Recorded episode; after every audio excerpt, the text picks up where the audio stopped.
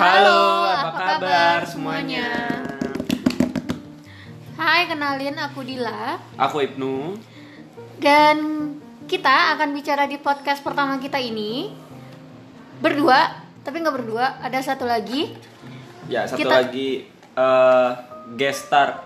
Iya, di podcast kita ini kita akan bahas tentang kehidupan kampus dan gimana sih cara kita untuk bisa eh, berprestasi di dunia kampus itu. Jadi nggak kuliah pulang kuliah pulang aja alias kupu-kupu aja gitu. Ya. How to be the most outstanding student ya. Oke. Dan kita juga nggak ngobrol berdua. Kita ngundang salah satu mahasiswa yang jurusannya, konsentrasinya, fakultasnya, universitasnya sama kayak kita. Tapi bedanya itu dia punya prestasi, sementara kita nggak ada. Ya, Bang juga merupakan eh, kakak kami, senior kami, kakak tingkat kami di eh, tempat kami menuntut ilmu. Mungkin Di mana? di Universitas Andalas tercinta. Jurusan Ilmu Komunikasi. Yeay. Yeay. Kita sambut saja lah. Inilah dia Bang Ongki Prestasi Andriawan. Jeng jeng jeng jeng. Oke, Oke. mulai dari mana? Bang Ongki perkenalan diri dulu Ya, kali ya. silakan perkenalkan diri dengan singkat. Singkat aja ya. Ya, Halo singkat. semuanya. Ini mau di share ke mana sih? Eh, Secara ke mana aja? Iya, Ya, international. Podcast internasional. Aha. Halo semuanya, aku Ongki Andriawan. Em, sedang sibuk skripsi. Doain ya tahun Semangat, ini. Bang lulus. Ongki. Amin. Itu doang sih. Em, ya. 22 tahun. 22. Ya. Hmm, ya, oke lah. Nah, itu Oke. itu aja deh. Oke. Jadi Bang Ongki, kita itu mau nanya-nanya sama Bang Ongki terkait sama ya itulah ya yang tadi kita bilang gimana sih Bang Ongki menjalankan kehidupan kampus Bang Ongki yang kami nih tahu Bang Ongki punya banyak prestasi banget.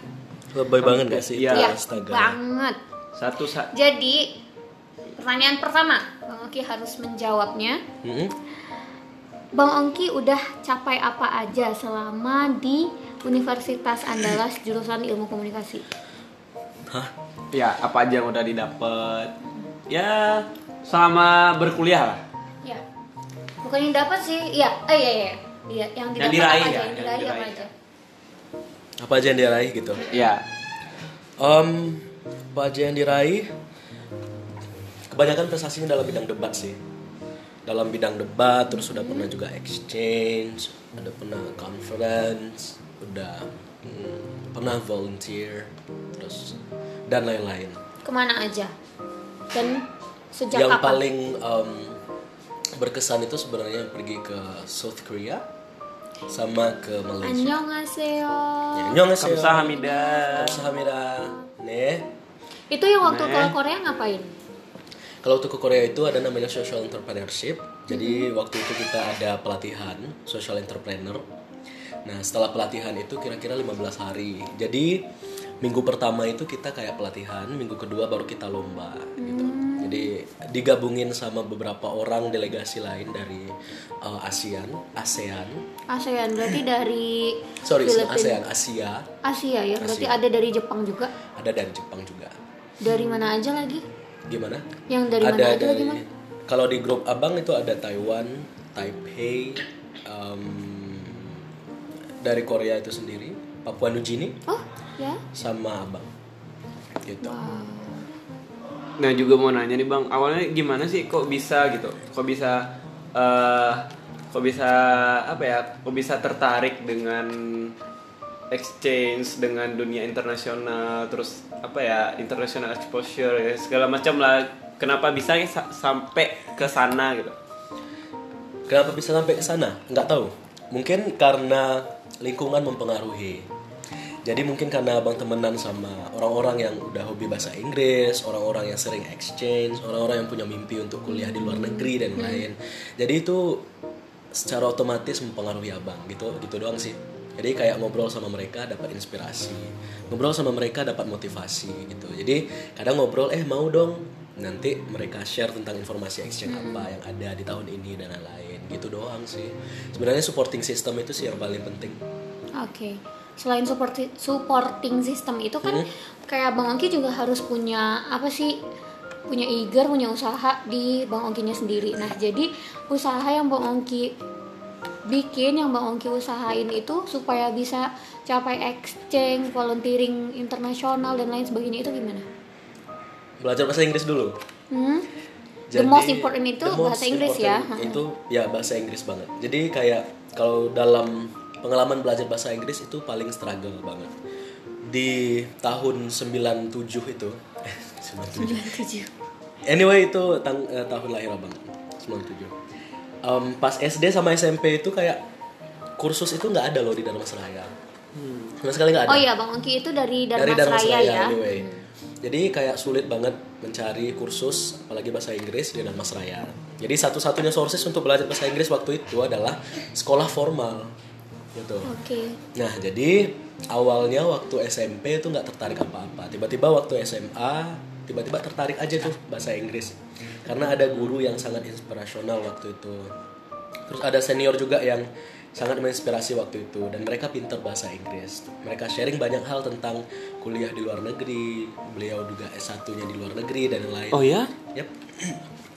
Setelah S1 di sana, diceritain lah tentang dunia dan lain-lain. Nah, waktu itu mulai belajar bahasa Inggris. Itu struggle banget. Karena nggak ada kursus, satu-satunya sources cuman sekolah formal. Jadi kadang abang itu belajar ke rumah ibu itu. Ke rumah ibu itu yang literally kayak 10 menit dari rumah. Gitu. Terus misalnya satu lagi kayak harus beli kamus sendiri oh iya Iya. kamu apa tuh Hasan Sadeli itu Iya, Hasan Sadili. Jadi karena awal-awal apa ya, abang itu termasuk uh, keluarga yang not really um, what do you call it, underprivileged. Jadi kayak um, untuk beli sesuatu itu agak susah waktu itu. Jadi pas mau beli kamus aja waktu itu abang harus nabung dan bahkan sempat jual um, bukan jual, jualan pin. Tahu nggak sih Pin, pin, iya. yang dibikin Yang dari kayak peniti itu, Ah, yang ah, kayak kain peniti tapi ada, iya. di dalamnya ada kain-kain yang jelek dan lain sebagainya. Dari itu doang dibikin agak beberapa terus dijualin pas di SMA. Nah, Oh itu cewek-cewek dijualin kan- di sekolah? Iya. Jualnya di sekolah karena udah kreatif gitu kan. Dijual, dijual eh ternyata laku gitu kan. Laku. Jadi dibikin sampai 20 pieces. Nah, udah bikin ternyata habis semua. habis Dan, semua ah, dan dalam- mungkin dulu juga anak-anak SMA juga belum punya Iya, iya semangat kan? untuk itu kan untuk Ah. untuk ber- apa sih untuk punya usaha jualan Exactly. terus ya. bikin kerajinan tangan dijualin itu juga belum belum ada belum ada banget. Nah, jadi Dan juga makanya belum ada kayaknya anak SMA zaman sekarang yang punya minat untuk belajar mengenai dunia internasional, mengenai bahasa Inggris, bahasa asing khususnya. apalagi dulu ya dulu sebelum Ya. ada media kayak handphone dan YouTube dan lain sebagainya kayak Kebayang sih Nah, perjuangannya. perjuangannya susah, iya. Harus emang emang konvensional banget pakai buku, pakai belajar sama guru segala macam. ya. Terus itu tahu yang bikin pin itu dari mana, Bang? Em, nggak ada kreatif aja nggak tahu tiba-tiba pengen di bikin sekolah? pin gitu nggak jadi kayak uh, teman-teman yang cewek ini dulu pernah ada pin tapi bukan dari kain flannel dan bentuknya tuh monoton jadi kayak abang bikin lah uh, pin dari kain flannel yang bentuknya tuh kayak lebih unik misalnya Dan warna-warni. ya Hmm. Um, Angry Bird dan lain-lain Tapi dari tahu dari mana gitu loh. Kayak ada loh internet waktu itu oh ada ya. Warnet kali ya. Warnet ya, ya oh iya. Iya exactly warnet. iya, Jadi benar, kayak benar, benar. dulu itu abang belum punya apa sih namanya ini Android. Tapi dulu tuh kita waktu kecil-kecil ke warnet tuh kayak mau main game Main gitu loh, games, main ya. games online, Point nggak blank, kepikiran point untuk blank gitu kan. nyari cara bikin pin kayak gimana.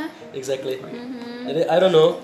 Jadi waktu itu bikin pin ya udah dijualin, jualin dua hari, dua hari cukup untuk bayar, cukup untuk beli kamus itu. Nah pas dapet kamus itu, bahkan kamus itu masih ada sampai sekarang, cuman udah sobek-sobek sih karena saking lamanya gitu kan. Dan dipakai. Dan dipakai. Jadi SMA itu tahun 2011, if I'm not mistaken ya, tahun 2011. Jadi sampai sekarang tahun 2020 udah berapa tahun tuh kamus. Ini kayak udah tua banget dan sempat hilang dan pas hilang tuh abang kelas 2 SMA kalau nggak salah dan nangis karena saking pricelessnya kan kita berjuang untuk Iya. beli kamus itu doang dan kita belajar semua hal dari kamus itu kayak gitu. Berharga. itu sih yang paling memorable tapi kalau misalnya untuk pengalaman exchange I think nggak semua saya memorable itu karena memang from the very basic perjuangan abang adalah untuk belajar bahasa Inggris Belajar bahasa Ah. Inggris. di mana ada kemauan di situ ada jalan Iya, Iya. dan sesuai tagline-nya ke Tokopedia mulai aja dulu ya. Iya Terus- sih harus mulai dulu. Ya, harus Dan juga dulu. bahasa Inggris tuh kayak gerbang dari semuanya gitu. Hmm, apalagi kalian sekarang kan. Sekarang tuh udah kalian diconsider sebagai global citizen, Ya oke. Masyarakat global. Jadi kayak emang bahasa Inggris itu udah wajib lah.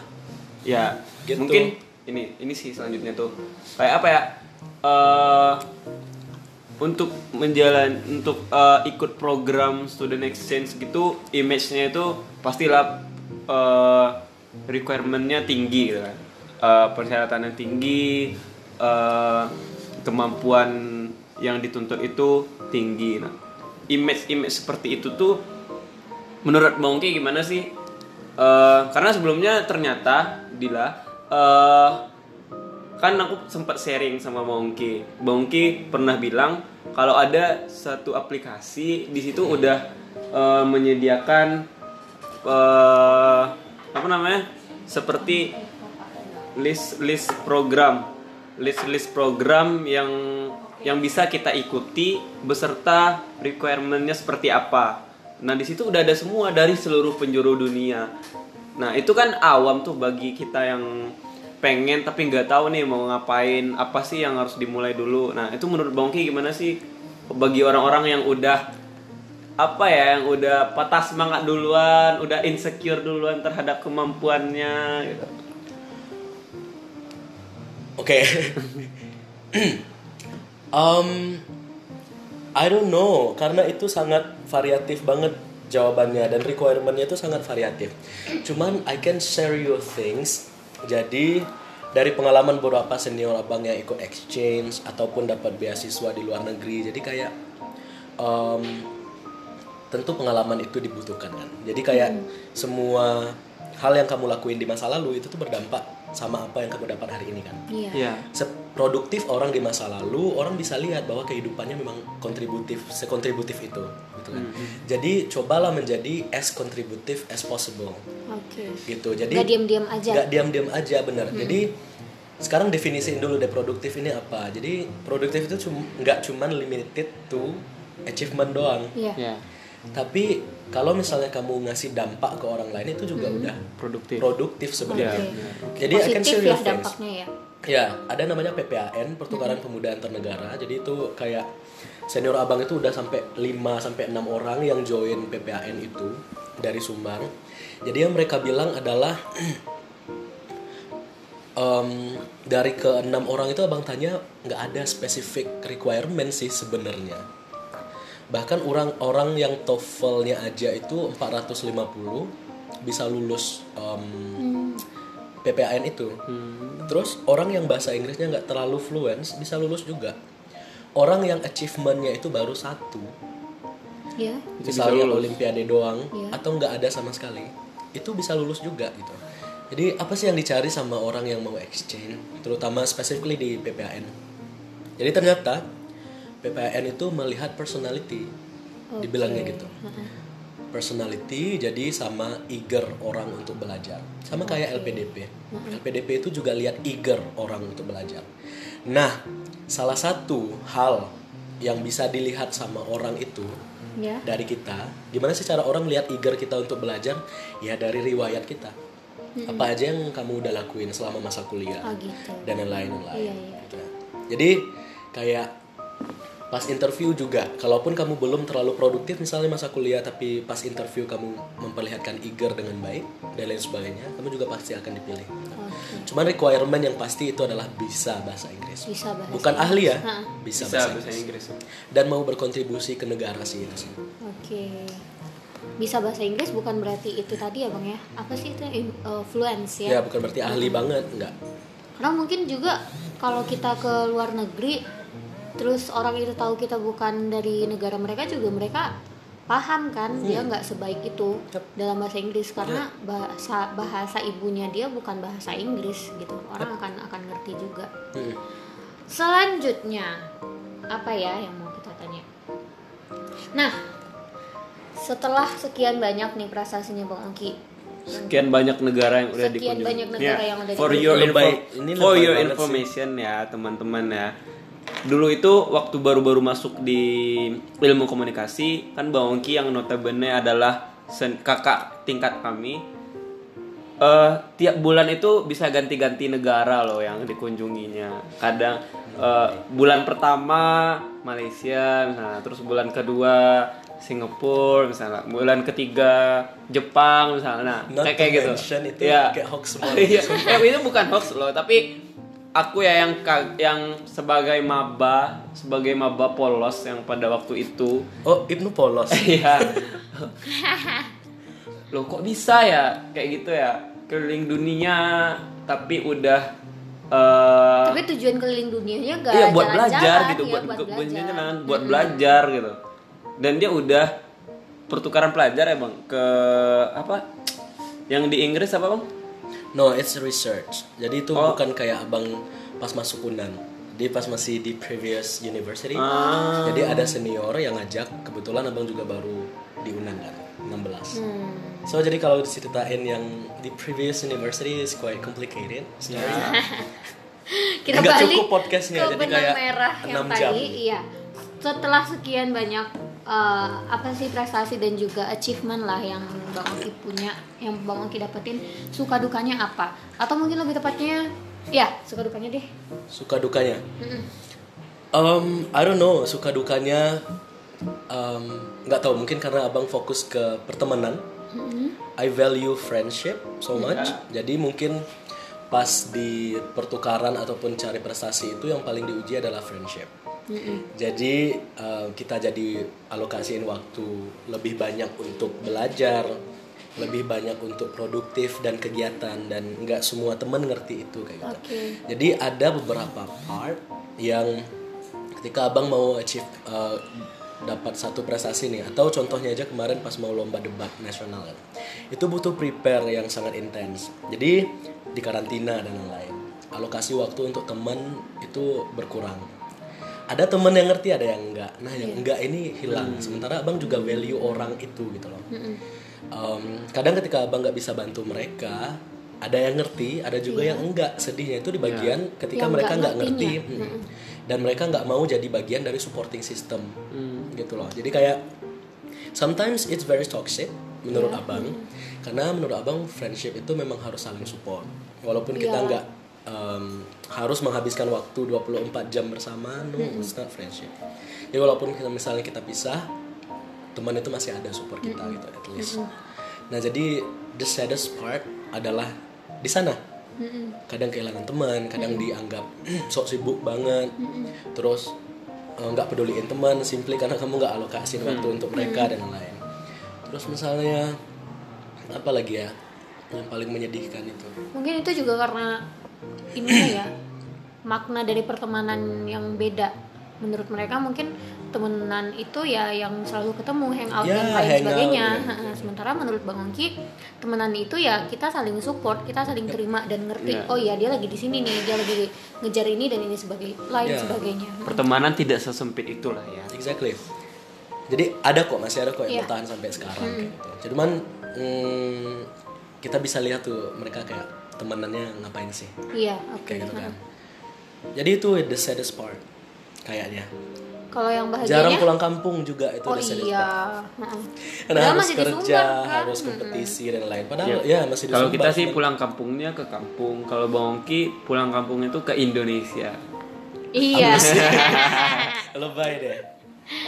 Gitu, Tadi jadi dukanya. gitu. Sekarang sukanya apa? Sukanya kalau kehilangan teman kadang kita dapat teman baru. Oh iyalah. banyak banget dapat teman baru pergi ke mana-mana misalnya dapat teman baru latihan debat misalnya dapat teman baru dapat adik-adik baru Eh, tapi lu penasaran sih, Bang? Kan Apa tuh? ini udah udah ngelewatin program exchange dan se- dan segala macamnya. Itu kan dapat teman di sana tuh. Mm. Sampai sekarang masih kontak-kontakan gak sih? ada beberapa yang kontekan contohnya waktu yang di Korea itu ada satu si J Dari uh, dari Korea Oh, dari Korea. jadi J ini ini quite memorable uh, memori kita di sana jadi J abang kan muslim jadi J itu dari Korea Selatan jadi setiap grup itu ada uh, guide-nya dan guide-nya itu pasti orang Korea Selatan itu Iya. Nah, jadi Jay inilah yang mengguide abang selama di Korea itu. Dua minggu lebih kan. Jadi selama di Korea itu di-guide sama dia.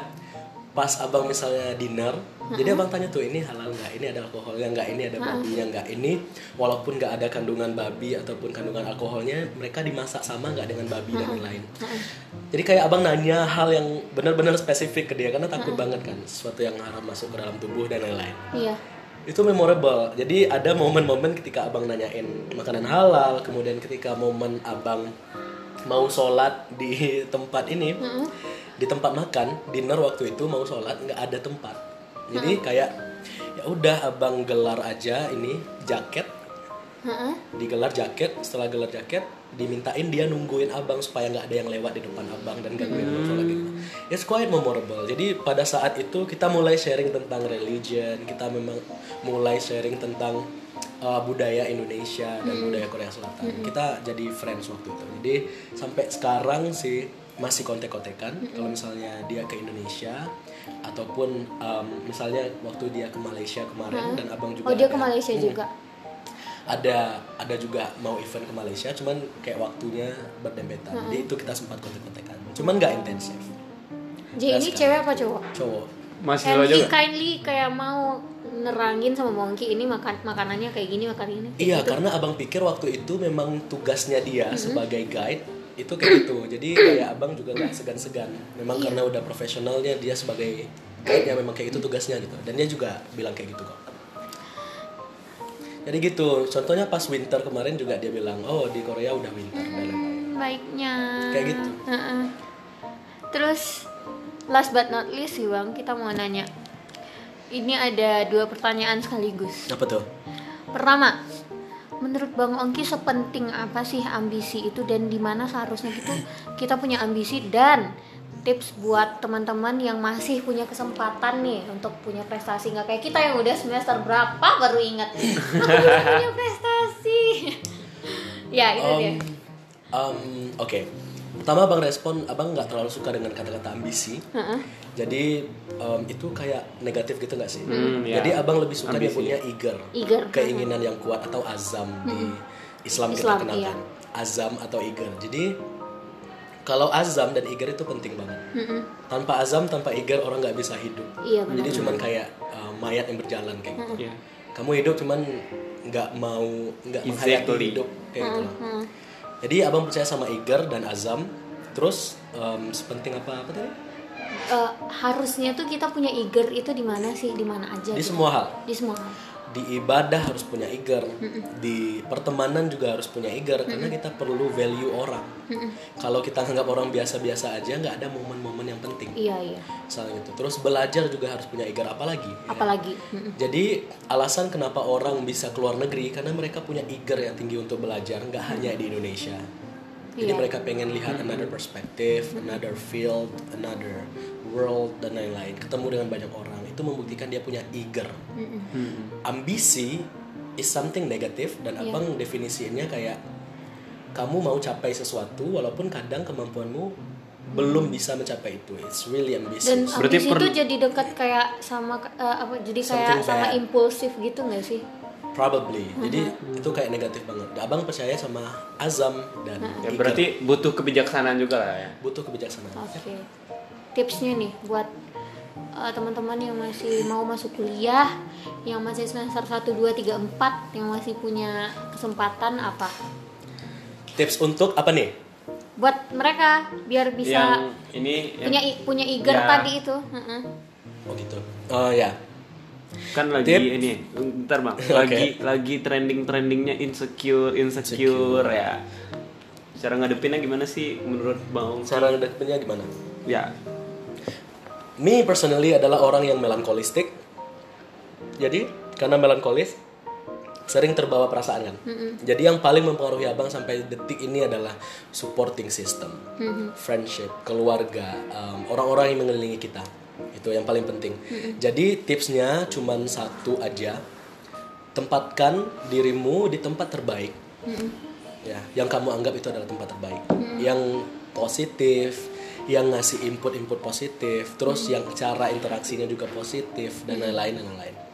Karena dengan supporting system yang positif itu insya Allah bisa dapat sesuatu yang positif juga dalam berprestasi atau dalam hal yang lainnya kayak gitu. kalaupun misalnya niatnya nggak mau berprestasi karena banyak tuh orang yang nggak mau keluar negeri Iya. banyak juga orang fokusnya mungkin yang nggak prestasi atau jadi mahasiswa Iya. prestasi lomba ini lomba itu banyak juga tapi at least dengan supporting system yang positif kamu bisa jadi lebih produktif Iya. dalam bidang lain dan hal lain gitu aja sih ya semangat untuk kalian yang sedang mencari jati diri jangan lama-lama ya gitu Berarti apa ya? Ada dari pembicaraan panjang tadi sedari awal berarti eh, kita coba rangkum ya. Eh, dari awal Bongki dari Dharmasraya, dari SMA, terus eh, di situ baru mulai punya kemauan, tapi dengan adanya keterbatasan Bongki lakuin aja dulu. Yang penting eagernya ada gitu. Terus ketika udah eh dapat nih eh, program-programnya udah dapat nih, udah ngelaluin nih eh, program internasionalnya. Terus tidak hanya eh, kemampuan berpikir gitu, tapi juga eh, kepribadian, bagaimana cara kita berteman, bagaimana kita membangun relationship dengan eh, orang-orang yang punya latar belakang dan perspektif berbeda dengan kita. Terus yang ketiga yang barusan yang supporting system itu penting. Iya. membangun membawa suasana membawa suasana ke sesuatu yang baik itu penting dan berpikir positif kali ya. Dan apa ya buat teman-teman juga jangan apa sih jangan lama-lama lagi deh. Kalau kamu udah dengar podcast ini terus udah dengar apa yang disampaikan sama bang Ongki udah ayo cari. Jangan banyak alasan karena ya gitu ya kadang orang tuh suka banyak alasan. Kayak aku punya keterbatasan ini aku nggak bisa ini nggak bisa itu. Alibi nggak iya sih? alibi. Sementara bang Ongki ada juga kok keterbatasannya ada juga kok strugglingnya tapi ya bisa-bisa aja gitu loh. Jadi jangan lama-lama lagi sekarang cari jalan kamu supaya bisa jadi star lah ya di antara star-star yang lain. Ya. Bangun dari tempat tidurmu and let's do more kindness. Iya. Itu the quote of the day banget. itu dulu yang bisa kita uh, sampaikan di sini. Waalaikumsalam ibu Nah, ja- sampai jumpa lagi. Semoga ada podcast kita selanjutnya. Assalamualaikum warahmatullahi wabarakatuh. Dadah. Dadah.